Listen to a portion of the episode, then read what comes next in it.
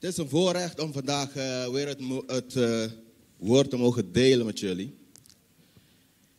En vandaag wil ik het hebben over uh, door wijsheid het zuivere pad bewandelen. En dat is iets wat we allemaal nodig hebben, wijsheid. Maar als ik het heb over het zuivere pad, dan heb ik het over het pad waar God ons erop wil, leiden. Niet alleen in het geestelijke, maar ook in het natuurlijke. Want heel vaak merk ik dat, uh, dat mensen heel moeilijk een, uh, een onderscheid hierin kan maken. Want vaak denken mensen van als God mij roept, dan is mijn natuurlijke leven voorbij. Maar dat is het zeker niet. God kan ons roepen. Ons natuurlijk leven gaat gewoon door. En we mogen iets voor God doen. En als we dit in goede balans doen, dan worden we zeker, zeker gezegend hierin. Amen. Ik wil uh, beginnen met Spreuken 4. Ik denk dat de meesten van ons het al uh, zag aankomen, want als je over wijsheid wil spreken, dan is het juiste boek waarin je mag lezen is Spreuken. En bovenaan staat, laat je beschermen door de wijsheid.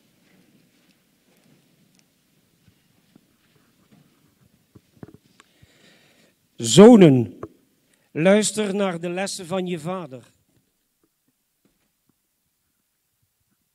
Wees vol aandacht en kom tot begrip. Wat ik je leer is waardevol. Sla dus mijn onderricht niet in de wind.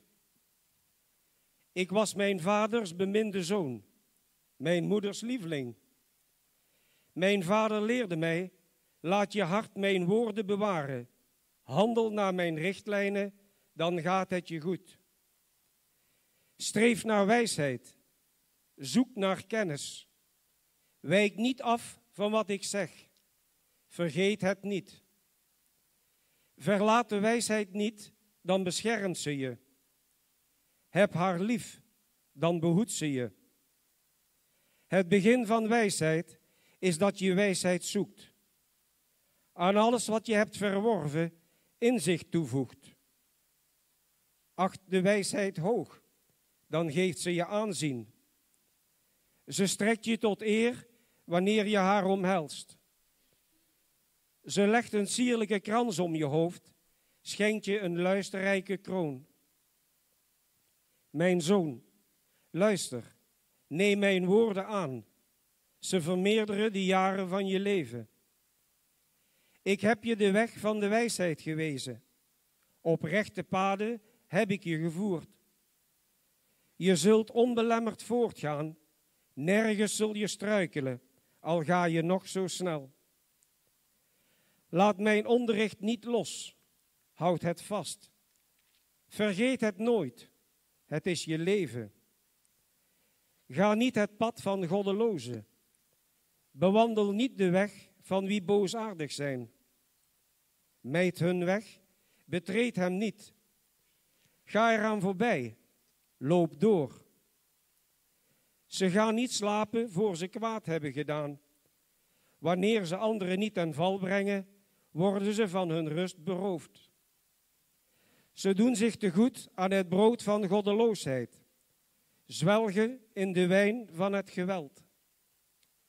De weg van de rechtvaardige is stralend als de zon die opkomt hoger klimt, totdat de dag zijn licht verspreidt. De weg van de goddelozen is alleen maar duisternis. Ze struikelen en weten niet waarover. Mijn zoon, heb aandacht voor mijn woorden. Geef aan mijn uitspraken gehoor. Houd ze steeds voor ogen. Bewaar ze in het diepste van je hart. Ze zijn het leven voor wie ze aanvaarden sterke heel het lichaam als een medicijn. Van alles waarover je waakt, waak vooral over je hart. Het is de bron van je leven. Neem nooit leugens in de mond. Laat geen bedrog over je lippen komen. Je moet elk mens recht in de ogen kunnen zien. Nooit je ogen hoeven neerslaan. Effen de weg waarover je gaat, dan loop je met vaste tred. Wijk niet af naar rechts, wijk niet af naar links. Wijk alleen uit voor het kwaad. Amen. Hemelse Vader, ik wil u danken, Heer, voor dit woord, Heer. Heer, ik wil u danken ook, Heer, uh, voor alles, Heer, wat u aan ons gaat openbaren vandaag, Heer. Heer, dank u wel, Heer, voor, uh, voor uw geest, ook die ons zal leiden, om dit in praktijk te mogen brengen, Heer, wat we vandaag van u mag leren, Heer.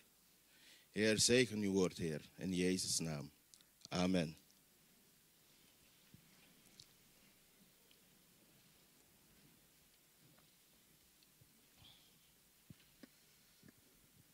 Het Bijbelboek Spreuken.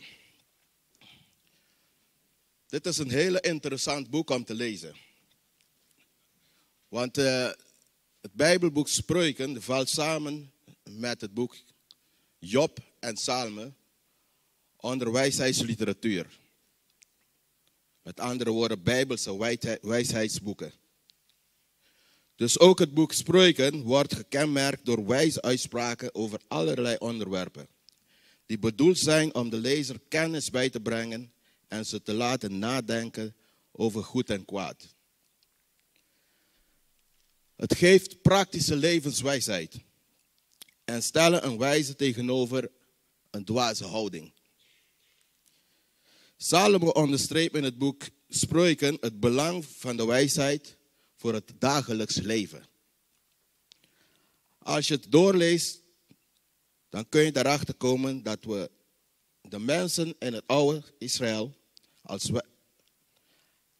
als we doorlezen, kunnen we erachter komen wat de mensen in het oude Israël als wijsheid beschouwen. Dit kom ik straks op terug. De spreuken 4 is eigenlijk te verdelen. Je kan het verdelen in drie stukken. Want je, als je had gemerkt, elke keer begint een stukje met mijn zoon. De eerste begint in het meervoud. Zonen, luister naar de lessen van je vader. Wees vol aandacht en kom tot begrip. En dan bij vers 10 gaat er een enkel fout. Mijn zoon, luister, neem mijn woorden aan. Ze vermeerderen de jaren van je leven. En dan bij vers 20 spreekt het ook over, mijn zoon, heb aandacht voor mijn woorden. Geef aan mijn uitspraken gehoor. Maar het mooie ervan is dat deze stukken, die sluiten zich ook eigenlijk aan elkaar. Dus zo'n stuk wordt eigenlijk genoemd leerdicht. Dus zo'n leerdicht heeft als doel eigenlijk de lezer in een bepaald onderwerp te instrueren. En als we dat goed lezen, dan zien we ook dat het hier gaat om raad van een ouder naar een zoon. Maar eigenlijk is het niet zeker of het, of het gaat om ouders en kinderen. Want het, het kan ook gaan om de relatie van een leermeester en een leerling. Dus het kan allebei. Maar vandaag wil ik me speciaal richten eigenlijk op het laatste stukje, het laatste leerdicht. En het is uh, vers 20 tot en met 27. Het voorgaande leerdicht, dus die uh, loopt van vers 10 tot en met 19, waarschuwt om niet te gaan op het pad van de boosdoener. Dat staat in vers 14 en 15. En deze leerdicht, dus, dus het laatste, van 20 tot en met 27, spoort aan om op de rechte pad te blijven.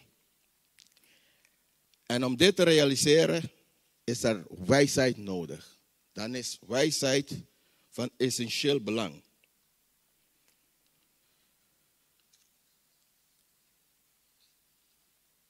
Om de tekst van spreuken vooral gericht, omdat de tekst van spreuken vooral gericht is op jongeren, die op weg zijn naar volwassenheid, begrijpen we dat met name de verleiding van de sociale druk die van verkeerde vrienden uitgaan, aandacht krijgt. Dit geschetste gevaar, gevaar is herkenbaar voor opgroeiende jongeren van alle tijden. En als zodanig is de tekst ook van belang voor deze tijd. Maar we kunnen ook deze boodschap van deze tekst ook in een bredere verband plaatsen. En betrekken op het ontwikkeling van ieders geloof, iedere gelovige. Ongeacht leeftijd, ongeacht leeftijd. Iedere levensstadium heeft zijn eigen verleiding. Dus het gevaar van verleiding zit ook bij, bij ouderen. Dus het is niet zo dat alleen jongeren tot verleiding kunnen komen. Maar dat geldt net zo goed voor ouderen ook. Dus als we dit ook gaan kijken vanuit ons geestelijk leven, ofwel ons geloofsleven, zijn we eigenlijk met z'n allen hier ook in ontwikkeling. We hebben baby's in het geloof in ons midden, maar we hebben ook opgroeiende in ons, in, eh, in ons midden. En we hebben ook geestelijke volwassenen in ons midden. Dus ook wij worden in deze tijd geconfronteerd met zoveel dingen en situaties die ons in verleiding kunnen brengen en ons van het zuivere pad af kunnen leiden. Ik wil dit stukje heel persoonlijk maken. Ik wil het betrekken op u en ik.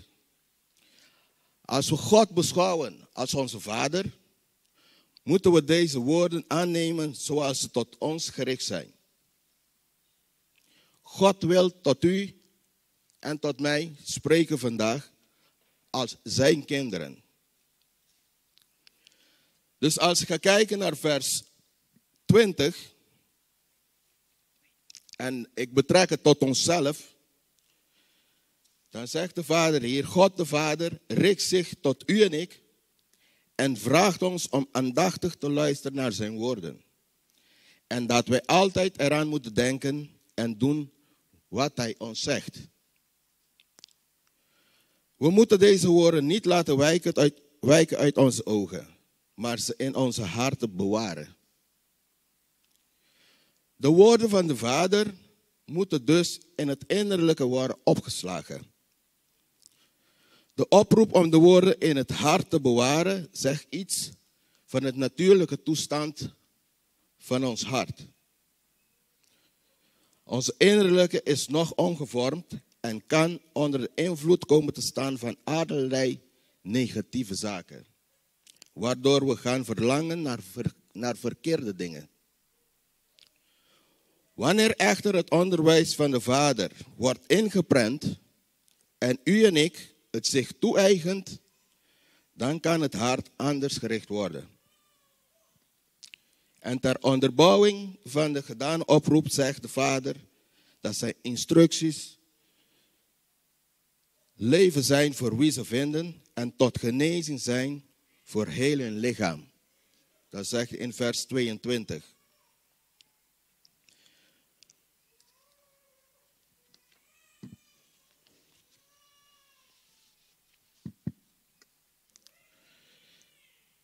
In dit gedeelte geeft de Vader aan dat de mens die een gezegend leven wil verwerven, de woorden van wijsheid diep in zijn innerlijke zal moeten laten doordringen. Om een dergelijke attitudeverandering tot stand te brengen, zal hij alert moeten zijn op wat hij doet. Dus dan heb ik hier staan, wat speelt nog een rol in wat wij doen? Wat spelen nu een rol een grote rol in wat wij doen. Kenmerkend voor dit gedeelte is dat verschillende organen van het menselijk lichaam een rol spelen. Dit zijn in eerste plaats de rece- receptieve of ontvankelijke oor, onze ogen en het hart. Daarna volgen de uitvoerende, de mond om te spreken, de ogen nogmaals om de weg in de gaten te houden en de voet om te gaan. En het hart heeft hier een dubbele functie. Het ontvangt de woorden en het beheerst de uitvoerende organen. Nou wil ik gaan kijken naar deze organen. We weten allemaal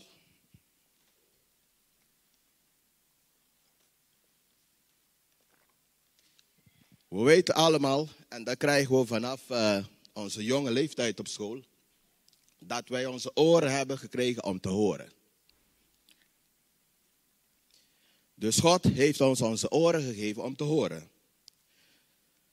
De Bijbel die zegt ook dat geloof komt door het horen. Door het horen van het woord van God. Dus onze oren zijn ontvankelijk ofwel gevoelig voor indrukken. Dus door wat we horen, kunnen velen van ons afgeleid worden en soms zelf verleid worden tot zonde. Dus de ene sneller dan de andere. Als ik een voorbeeld mag noemen van afleiding. Je hebt sommige mensen die kunnen, als ze gaan studeren, dan zetten ze misschien eh, een koptelefoon op, een muziekje op. En dan gaan ze studeren. Dan kunnen ze lekker studeren. Maar bij een andere, een andere die heeft volledige stilte nodig om te kunnen concentreren. Maar we hebben ook andere dingen die wij horen met onze oren, die helemaal niet goed zijn voor ons. En ik, uh, ik haal ook hieruit dat we heel selectief moeten zijn op wat we horen. Bijvoorbeeld, als twee mensen geheimzinnig met elkaar staan te praten. En we lopen langs. Heel vaak hebben we de neiging om wat van het uh, gesprek op te pikken. Terwijl zoiets helemaal niet goed is voor ons. En stel, als je toevallig hoort dat mensen over het jou hebben, dan is het helemaal niet goed voor jou. En zoiets staat eigenlijk ook in Prediker 7, vers 21. Prediker 7, vers 21 zegt: Let dus niet op alles wat er om je heen gezegd wordt. Misschien zou je dan horen dat iemand je beledigt. Dat staat in het woord van God. Dus niet alles is goed voor onze oren. Want ik kan me voorstellen, als je langsloopt en mensen hebben het over jou en mensen jou beledigt, dat je de een hele grote kans hebt om de Heilige Geest en de Geest van Liefde te parkeren. Want dan ga je misschien uit je vel en het is helemaal niet nodig. Dus niet alles hoeven wij te horen. Dan ga ik naar de ogen. Ook onze ogen hebben we gekregen om mee te zien. Dat heeft God ons gegeven. En het is een zegen als onze ogen goed zijn. Maar ook onze ogen vormen eigenlijk een gevaar voor ons. Want ook wat wij zien kunnen we ons in afleiding brengen of zelfs verleiden. Bijvoorbeeld minderwaardigheid, jaloezie, omdat we zien dat het heel goed gaat met een ander en niet met ons. Hoogmoed, omdat we aan anderen kunnen zien dat wij het beter hebben. Dat zijn allemaal dingen, doordat we bepaalde dingen om ons heen zien, dat kan tot ons hart komen. Ik heb ook een uh, hele mooie voorbeeld. Die, dat had mijn vrouw eigenlijk van de week mij verteld. Wat ze had gepost. Een uh, vrouw die zat in een kerk. En ik dacht ook dat dit ook een soort gedichtachtig iets zou zijn. Een vrouw zat in de kerk en hij ging naar de voorganger.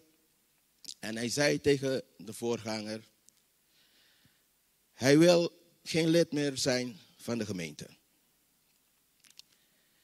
En de voorganger die dacht van, waar ligt het eigenlijk aan?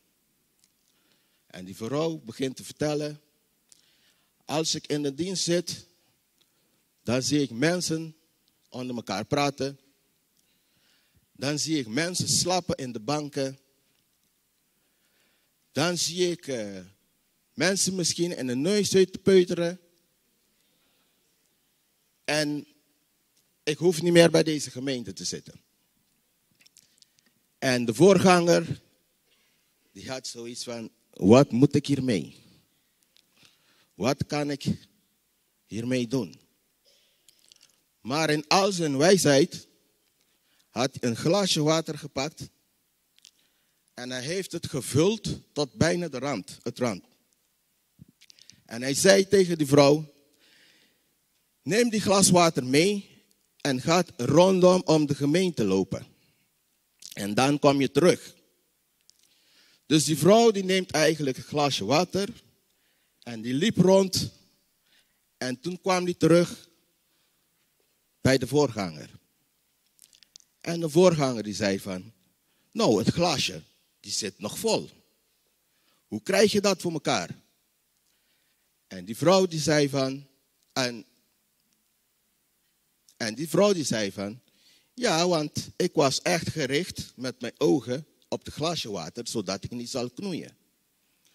En die voorganger die zei van, als je zo in de dienst zit en je ogen zijn zo gericht op Jezus, dan zal je gewoon gezegend worden. En dan raak je niks kwijt. Amen. Dus dat is het gevaar van onze ogen.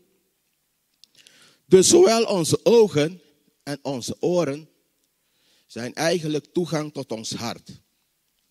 En daarom moeten we heel selectief zijn op wat we zien en wat we horen. Jezus zegt zelf in Marcus 9, vers 47: Indien uw oog je tot zonde zou verleiden, ruk het eruit. Het is beter dat gij met één oog het koninkrijk Gods binnengaan dan dat gij met twee ogen in de hel geworpen wordt.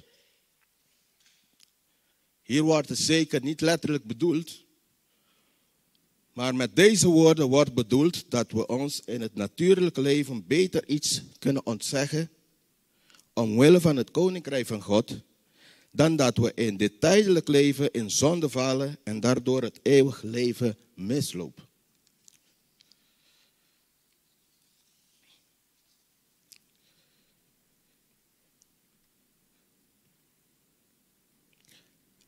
Dan gaan we kijken naar het hart in vers 23. In vers 23 staat, van alles waarover je waakt, waakt vooral over je hart. Het is de bron van je leven. Dus als we moeten waken, dat betekent dat we iets moeten beschermen. En als we iets moeten beschermen, dan is er eigenlijk gevaar. Dus de vader die zegt hier dat we, moeten waakzaam, dat we waakzaam moeten zijn. We moeten waakzaam naar wat we luisteren en wat we zien, want het vormt een gevaar voor ons hart. Beschermt uw hart, zegt hij hier, want het is de bron van je leven.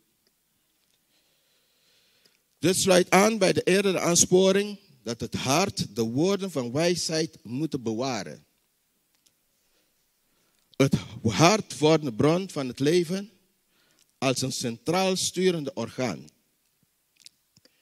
Zoals de tien geboden werden bewaard in de ark en in het heiligdom, zo behoren de woorden van de Vader in het centrum van het hart van u en ik te liggen.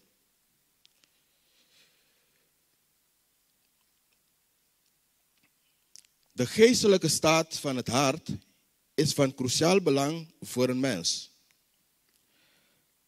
Het hart kan wijs, zuiver of ontaard zijn. De gerechtheid van het hart bepaalt de daden die hij of zij verricht.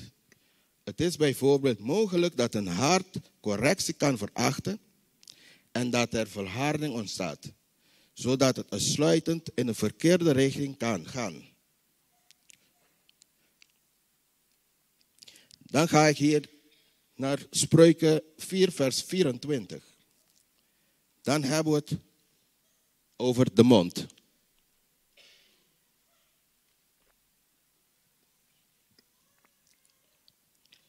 In deze vers waarschuwt de vader voor leugen en bedrog. Zonden die met de mond worden gedaan. En dan zegt hij ook, laat de zoon zich verre van houden. En dat is iets wat God ook vandaag tegen u en ik wil zeggen. Dus we moeten verre van blijven. Zonde met de mond. We kunnen stellen dat een verkeerdgericht hart verantwoordelijk is voor zonden die via de mond worden gedreven, bedreven. De aandacht is daarmee niet alleen op het innerlijk gericht, maar ook op het spreken. Wanneer iemand merkt dat hij liegt, moet hij zo alert, alert zijn om dit aan te pakken. Wie van oneerlijkheid een gewoonte maakt, krijgt op termijn immers een afgestompt geweten. In Matthäus 15, vers 11 zegt Jezus, niet wat de mond ingaat, maakt een mens onrein. Maar wat de mond uitkomt, dat maakt een mens onrein. En in vers 18 tot en met 20 staat, maar wat de mond uitgaat, komt uit het hart. En dat maakt de mens onrein.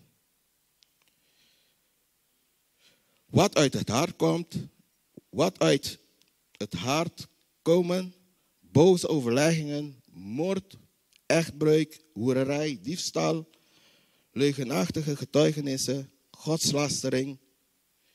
Dat zijn de dingen die een mens onrein maakt.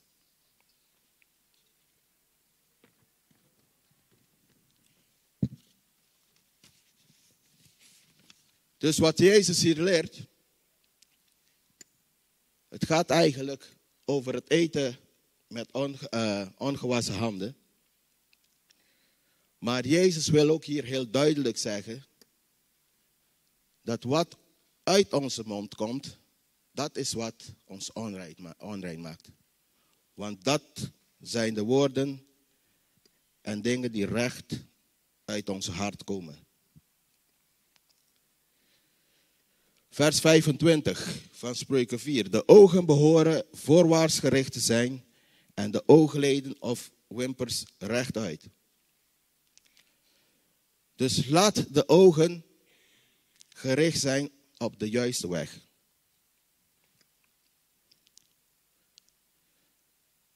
God wil dat we gefocust blijven op de rechte weg. Ik zeg zelf, het is ook weer een voorbeeld. Als je ergens moet kijken in je ooghoeken, dan moet je jezelf navragen of je wel naar moet kijken. Laat je ogen vooruit kijken. Blijf gefocust op wat je moet doen. Of wat God van u vraagt. In de twee slotversen benut de vader ook het beeld van de voet dat op het pad gaat. En verwijst hij daarmee naar de mens die de juiste weg bewandelt. Hij roept op opmerkzaam te zijn op het pad dat de voeten bewandelen. En laten die wegen vast zijn. Vers 26. Laten zo niet naar rechts of links afwijken en zijn voet van het kwade afwenden. Dus het is van belang om altijd het juiste pad voor ogen te houden. En daarvan niet te wijken. Het is belangrijk het juiste pad te volgen. En dat kunnen we alleen doen door wijsheid die wij van God de Vader kunnen ontvangen.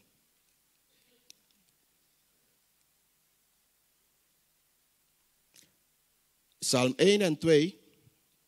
In Psalm 1 en 2 staat geschreven: Gelukkige mens die niet meegaat met wie kwaad doen, die de weg van zondaars niet betreedt, bij spotters niet aan tafel zit, maar vreugde vindt in de wet van de Heer en zich verdiept in de wet, dag en nacht. Dus we moeten ook goed kijken dat we niet meegaan met mensen die niet achter God aangaan. En daarom is het ook heel belangrijk om selectief te zijn met wie we omgaan. Weet je, soms is het heel goed dat we met mensen omgaan en proberen mensen tot God te leiden. Maar als we merken dat mensen niks van God willen hebben, dan moeten we eigenlijk waakzaam zijn en het liefst zo'n persoon zegenen en laten voor wie die is. Amen. We kunnen voor mensen bidden, maar we kunnen mensen niet veranderen. Maar als we constant blijven omgaan met mensen die net niks met God te maken willen hebben, dan vormt dat een, een gevaar voor onszelf.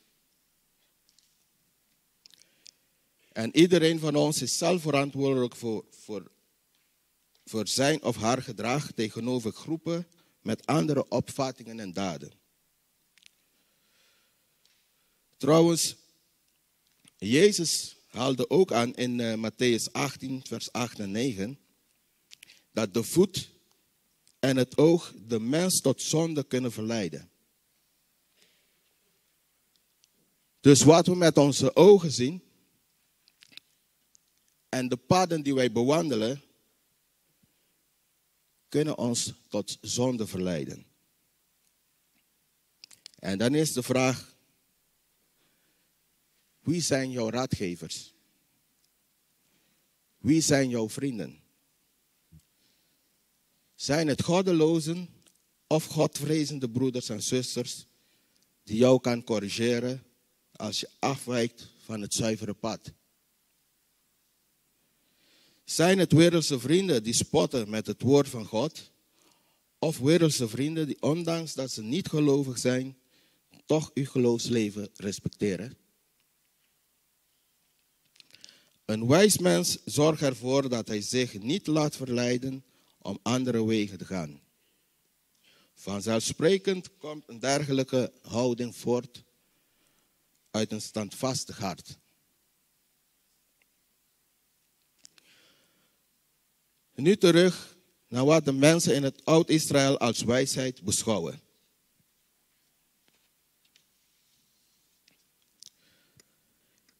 Wijsheid is een eigenschap die men nodig heeft om op een goede manier oud te worden en een middel om de verantwoordelijkheden van het volwassen leven aan te kunnen. En dit kan ook overgedragen worden. En als we zien naar deze stukken die we hebben gelezen, dan kunnen we ook duidelijk zien dat de vader wijze lessen wil overdragen aan de zoon. En dat is eigenlijk heel belangrijk voor ons ook in deze tijd.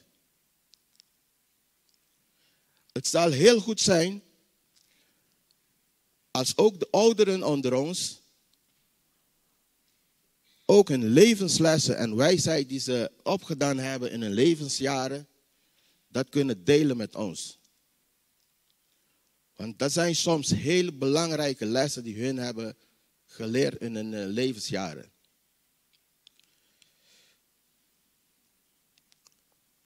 Uit de geschiedenis van de rechtspraak van Salomo blijkt dat wijsheid een vermogen is om opgedane kennis toe te passen in een concrete situatie.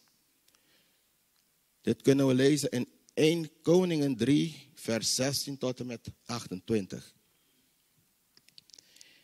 In de Bijbel geldt die eigenschap als een gave van God die Hij schenkt aan hen die erom vragen. Dus wijsheid is iets dat we ook mogen vragen aan God. En ik moet nou even denken ook aan Billy als nieuwe lid van het bestuur. Het is goed om God te vragen naar wijsheid. Het is hetzelfde ook wat Salomo had gevraagd aan God. Een opmerkzame geest en wijsheid om beslissingen te maken. Om te kunnen zien, om te kunnen bepalen wat goed en slecht is. Wat recht en onrecht is. Wijsheid is de kunst om doelgericht en heilzaam te leven in de vrezen van God. Naar de orde die Hij in de schrift en schepping heeft geopenbaard, tot ons eigen welzijn. Wijs handelen kenmerkt zich door de juiste attitude, het op zich nemen van de eigen verantwoordelijkheid in een gegeven situatie die situatie doorzien en de juiste dingen doen op een juiste manier.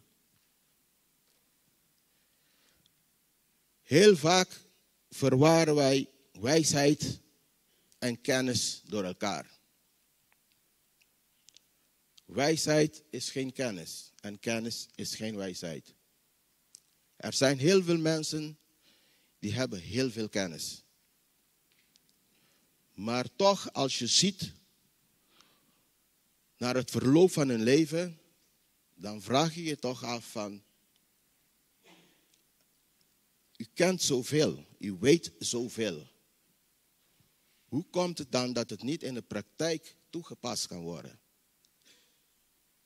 Weet u, wijsheid is het vermogen om dit kennis in praktijk te brengen. Amen.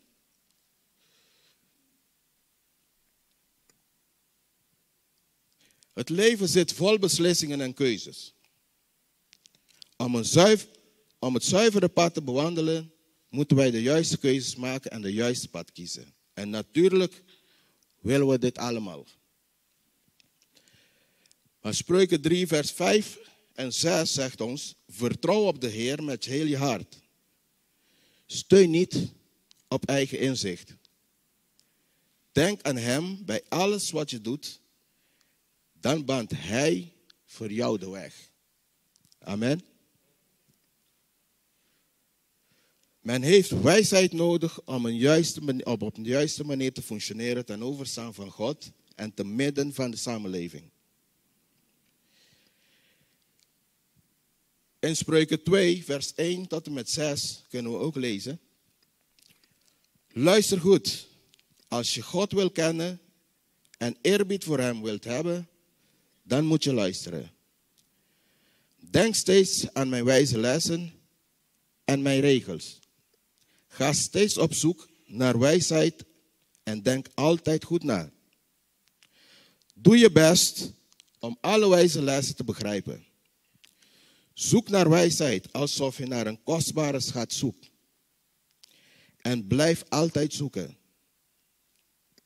Vers 6 zegt, de Heer geeft wijsheid. Zijn woorden geven kennis en inzicht. Amen. Dus hier kunnen we ook zien dat we naar, naar wijsheid moeten zoeken. Weet je, toen ik jonger was,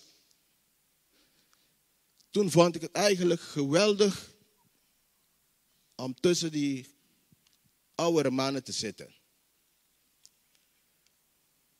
Want je hoort de verhalen en je hoort van alles wat die mannen in hun leven hebben meegemaakt. En het bouwt toch een bepaalde kennis en wijsheid bij jou op. Maar jammer genoeg, in die tijd was ik ook geen christen. Jammer genoeg dat alles wat ik van deze mannen heb geleerd, daar, ik niks, daar kan ik nu niks mee. Want dat zijn alleen maar rare streken bewijzen van. Voor mij nu, dat ik bekeerd ben, is het voor mij gewoon rare streken uithalen. Om van alles voor elkaar te krijgen in het leven. En dat is niet de wijsheid van God. Toen ik jonger was en ik kende God niet, toen vond ik dat goed. Toen vond ik dat leerzaam. Maar nu dat ik God kent, weet ik, het was alleen maar rommel. En dat had ik allemaal weg moeten doen. Er zijn verschillende paden en we weten niet altijd welke pad het juiste kant op gaat. Als mensen zijn we beperkt. We begrijpen niet alles, al denken wij soms zo. We zijn beperkt door tijd en ruimte en we kunnen onze beslissingen alleen maar baseren op wat we weten. Daarom moeten we, als we de juiste keuze willen maken, op Gods wijsheid vertrouwen. Jezus is Gods wijsheid in persoon. Hij kent namelijk ons verleden, ons heden en onze toekomst. Amen.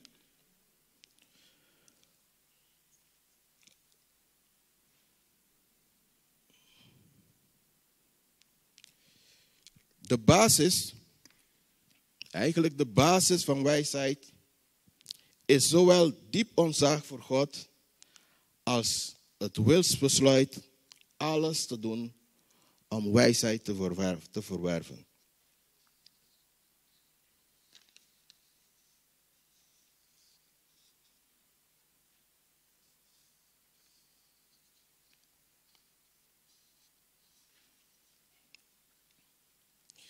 Goed.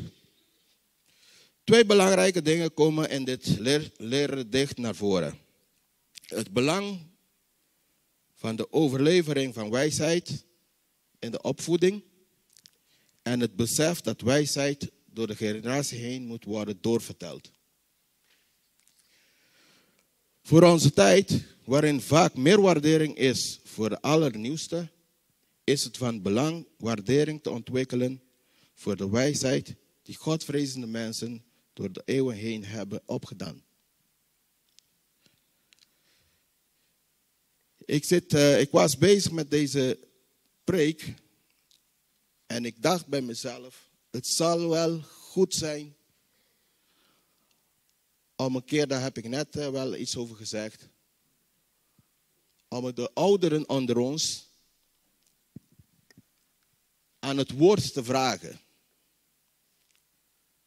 Om ons te vertellen wat ze allemaal in hun leven hebben meegemaakt met God. Weet u, de generatie van nu, velen geloven wel, maar op een gegeven moment raken ze ontmoedigd. En dan merken we ook dat op een gegeven moment zien we de jongeren niet meer in de gemeente. Want ze geloven in het woord van God. Ze streven naar bepaalde dingen met God. Maar, maar ze bezitten de wijsheid niet om zo ver te komen om die zegeningen van God te mogen zien in hun leven. Misschien besteden ze niet, te veel, niet genoeg tijd aan. Dat kan best. Want het is toch een generatie die we soms noemen een magnetron-generatie. Dus het moet even alles snel, snel, snel. En we moeten antwoord op krijgen. Maar we moeten deze generatie, deze jongens wel leren dat het wel een beetje moeite kost om iets van God te mogen ontvangen. Weet je, God is geen God waar we bij komen zitten en zeggen van, vader, ik wil graag dit en dit en dat. En dan lopen we weer verder en uh, dan wordt het geregeld. Dat is niet de manier om met God om te gaan. God wil dat we Hem eren, respect hebben voor Hem, ontzag hebben voor Hem en op een waardevolle manier omgaat met Hem. En ik geloof dat veel van die ouderen onder ons wel ervaring hebben hierin. Dat deze ouderen wel weten hoe vaak ze op de knieën hadden moeten gaan naar God toe. En het is belangrijk dat dit kennis ook overgedragen wordt aan de, aan de generatie van nu. Dus het zal niet verkeerd zijn als we een keer die ouderen benaderen om te kijken wat voor getuigenissen ze hebben. Om te vertellen aan ons en aan de jongere generatie. Goed.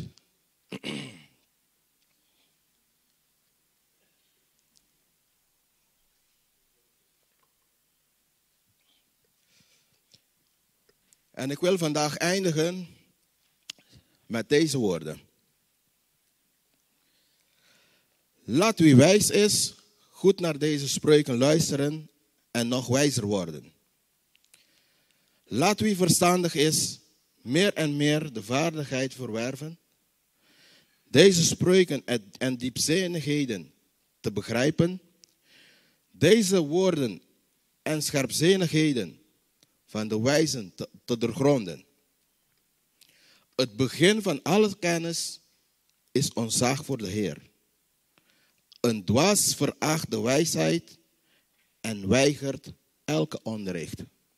Spreuken 1, vers 5 tot en met 7.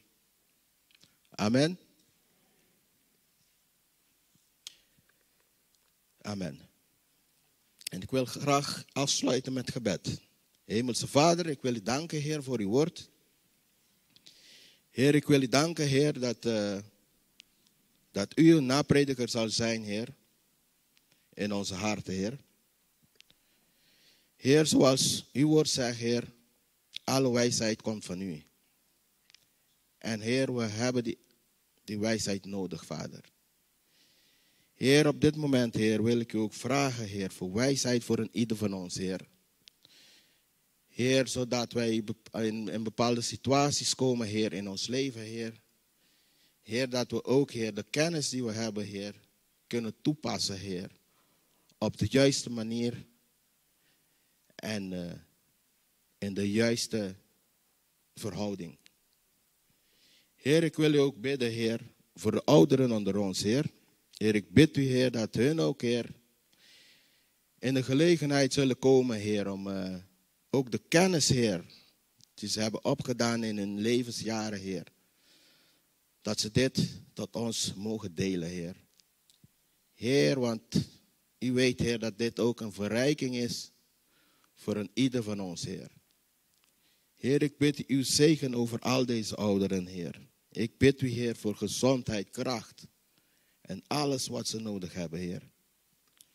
Heer, en ik dank u, Vader, voor alles, Heer, wat u verder gaat doen voor een ieder van ons. Zegen deze komende week en leid ons door uw Heilige Geest. In Jezus' naam. Amen.